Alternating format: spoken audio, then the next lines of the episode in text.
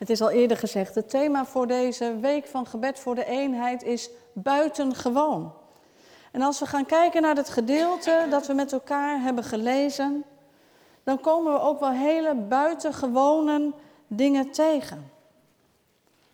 Op dat schip is de apostel Paulus, midden in een hevige orkaan. En het ziet er eigenlijk niet best uit. Het schip dreigt ten onder te gaan.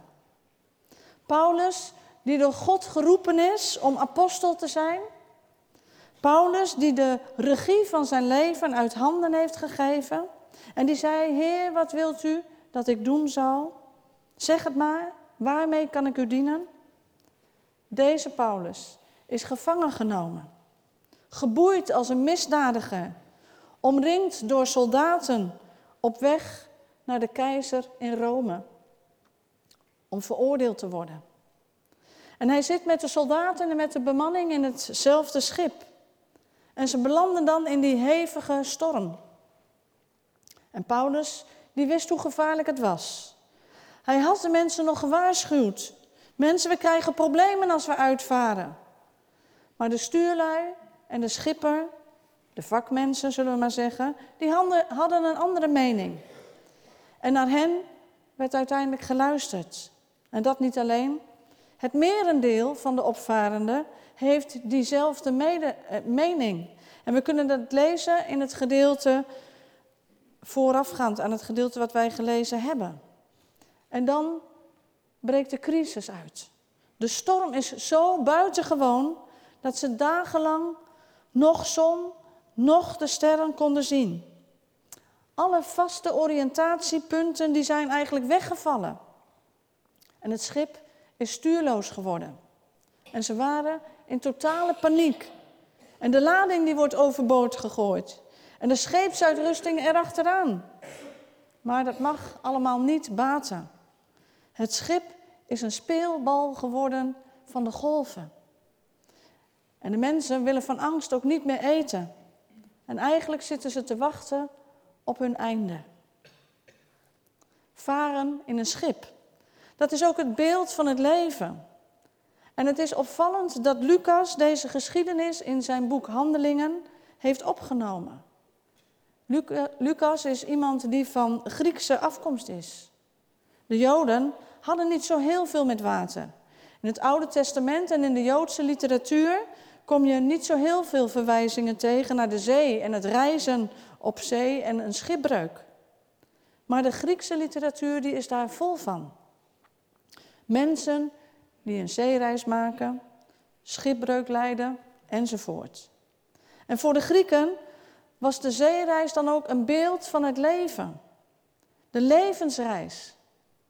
En de storm was een beeld voor het kwaad en het lijden dat de mensen kon treffen.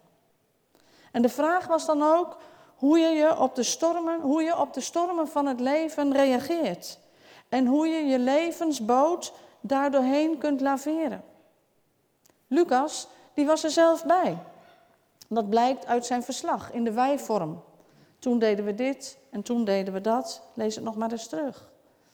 En het is een vrij lang verslag van deze reis. En de vraag is eigenlijk, wat kunnen wij hiermee vandaag? Wat kunnen wij hier nou van leren als je in het leven, als jouw leven in een spreekwoordelijke storm terechtkomt? Als mensen vragen ons denk ik dikwijls af hoe het kwaad en het lijden te rijmen is met de almacht van God. Als God liefde is, waarom is er dan zoveel lijden? Of misschien meer persoonlijk. Ik doe toch mijn best en ik probeer zo goed mogelijk te leven. En waarom heb ik dan toch de ene tegenslag naar de andere op mijn werk, thuis, op school, in mijn relatie, mijn familie? Waarom lopen de dingen in mijn leven zo moeilijk? Juist nu ik meer met mijn geloof bezig ben. Nou, en vult u het voor uzelf maar in. Als het gaat over hoe God bij moeilijke omstandigheden, bij de stormen van ons leven betrokken is, dan zijn daarop verschillende visies. En de een is de opvatting dat alles gaat zoals zoals het gaat. En dat we daar als mens geen invloed op kunnen uitoefenen. Alles is door God of lot bepaald. En wat je ook doet, je kan er toch niks aan veranderen. Als er ziekte komt of tegenslag, dan moet je dat maar aanvaarden en je er tegen verzetten. Want dat heeft geen zin. Maar je kunt je ook voorstellen dat dit tot een hele passieve levenshouding kan leiden. Een beetje gelatenheid en pessimisme. Laat me komen, want we kunnen er toch niks aan doen. En de andere opvatting is meer een ja, vrijheidsdenken, zou je kunnen zeggen. De geschiedenis is helemaal open en je bent vrij om van het leven te maken wat je wilt. Jouw persoonlijke keuzes bepalen de loop van de geschiedenis. En de gedachten dat lijden fout is en dat je dat op allerlei manieren maar probeert te vermijden. Volg je eigen dromen na. De toekomst is wat jij ervan kan maken. Maar als we naar dit verhaal van Paulus kijken, dan zien we vanuit de Bijbel een hele andere visie op stormen van ons leven.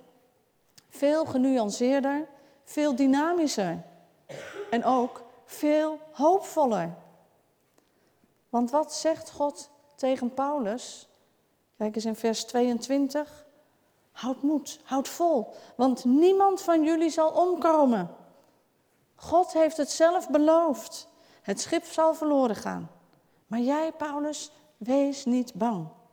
God heeft jou in zijn goedheid het leven van alle opvarenden geschonken. Niemand zal sterven. Allemaal zullen we behouden aan land komen. En wat een buitengewone rust heeft Paulus hier. Lees het nog maar eens na. Ondanks dat ze midden in die storm zitten en er gaat van alles mis. Dagenlang zijn ze echt de totale regie kwijt. Alles is donker en ze zullen de lading verliezen en het schip zal kapot gaan. En tegelijk, niemand zal verloren gaan. En Paulus zal in Rome aankomen. God heeft de controle. Wat hij besloten heeft, staat vast. En het doel, dat doel, zal geen storm kunnen tegenwerken. God heeft ons geen kalme reis beloofd, maar wel een behouden aankomst. We kennen die uitdrukking allemaal wel. Maar de mensen moeten niet passief achterover gaan zitten leunen en denken: laat maar gebeuren. Als hij het toch al besloten heeft, dan gaat deze storm ook wel weer over. Nee, God schakelt ons mensen in om tegen het kwaad te strijden. Paulus ontdekt dat de zeelieden het schip stiekem willen verlaten. En dan was, waarschuwt hij die centurio en de soldaten om dat te voorkomen. En dan zegt hij, als zij niet aan boord blijven, dan kunnen jullie niet worden gered. Als zij niet de verantwoordelijkheid voor het schip houden, die kapitein en die stuurman, dan gaan we alsnog verloren. Ze moeten dus wel hun best doen om het schip door die storm heen te loodsen. Met andere woorden, hoewel Gods plan vaststaat, moet je jezelf er ook voor blijven inzetten. Roeien met de riemen die je hebt. En doen wat in je vermogen ligt. God schakelt ons mensen altijd in. God past de stormen in zijn plannen in. Maar het einddoel staat vast. En de weg erheen kan soms heel moeilijk zijn. En heel veel van je vragen. Maar laat de stormen je niet afhouden van het doel dat God met je voor heeft. En welk doel is dat dan? Zullen we ons afvragen.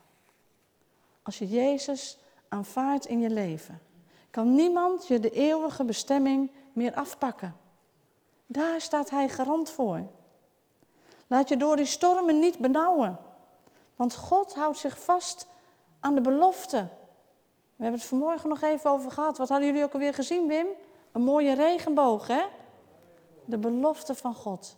Hij houdt ons vast. Ik wil nog even terugkomen op die houding van Paulus tijdens die storm. Paulus is de enige op het schip die rustig blijft en vol vertrouwen. In die storm blijft Paulus kalm. Is dat niet buitengewoon? Hij geeft de mensen advies. Hij spreekt ze moed in. Hij bidt voor ze.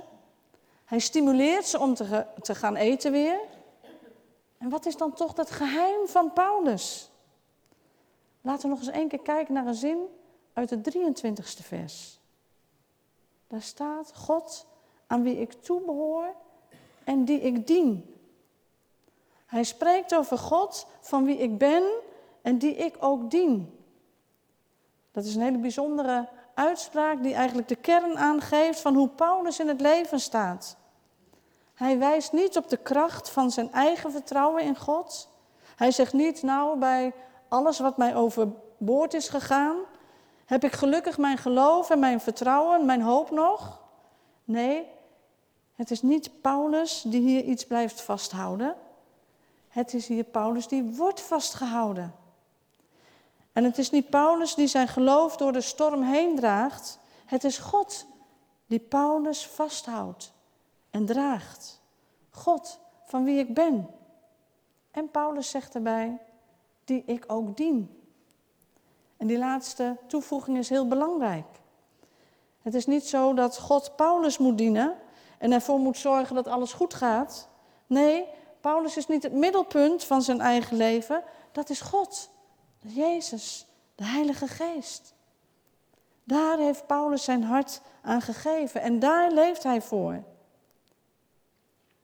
Dat zijn leven zal bijdragen aan het zichtbaar maken van Gods hart, vol van liefde, vol van goedheid en vol van genade, waar we over gesproken en gezongen hebben met elkaar. Dat Paulus Gods stem mag zijn, Gods ogen en Gods oren, dat hij Gods handen en voeten mag zijn hier op aarde.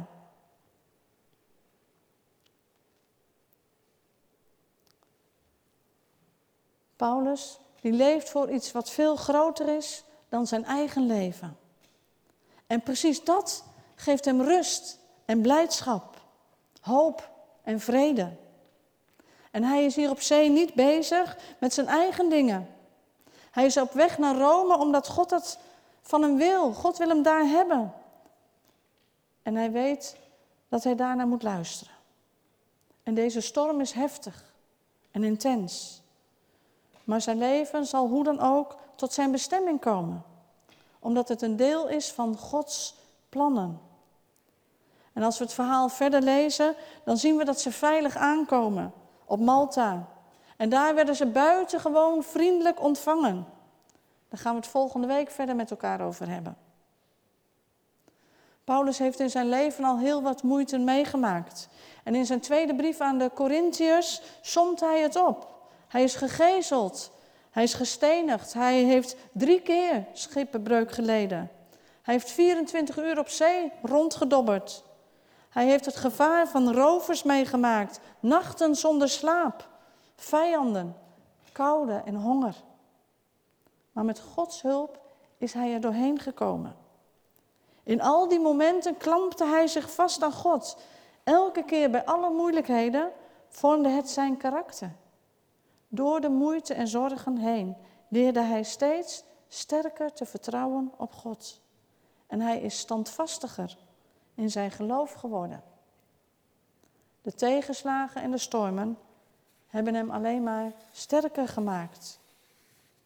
En God bemoedigde hem in de storm via die engel. En Paulus weet dat hij eigendom van God is. Dat is het geheim van Paulus' leven. Jezus heeft zich over zijn leven ontfermd. Hij heeft zijn zonden vergeven en hij is volkomen van hem. Hij is Gods geliefde kind. In het midden van die storm is dat zijn geheim. De naam van God is Yahweh. Ik ben erbij. Ik zal er zijn. God heeft aan Paulus zijn naam verbonden. In de storm is hij erbij. En niet alleen bij Paulus. Het is nog steeds zo. Ook in onze levensreis. Voor jou, voor u, voor mij. God is erbij. En hoe ik dat weet?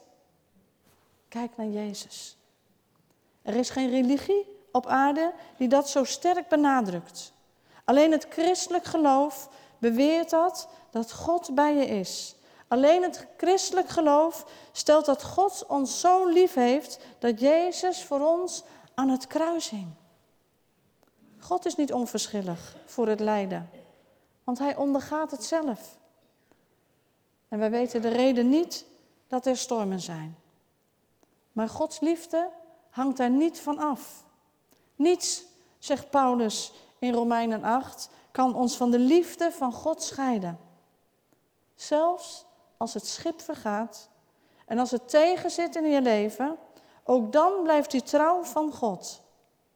Dwars door alle stormen heen blijft die belofte van God staan. En laten we dat deze week ook meenemen. Zeg het deze week nog maar eens een keer tegen jezelf. Ik ben van God en Hij is bij me. En niets zal daar dan ook verandering in brengen. Nou, als dat niet buitengewoon is. Amen.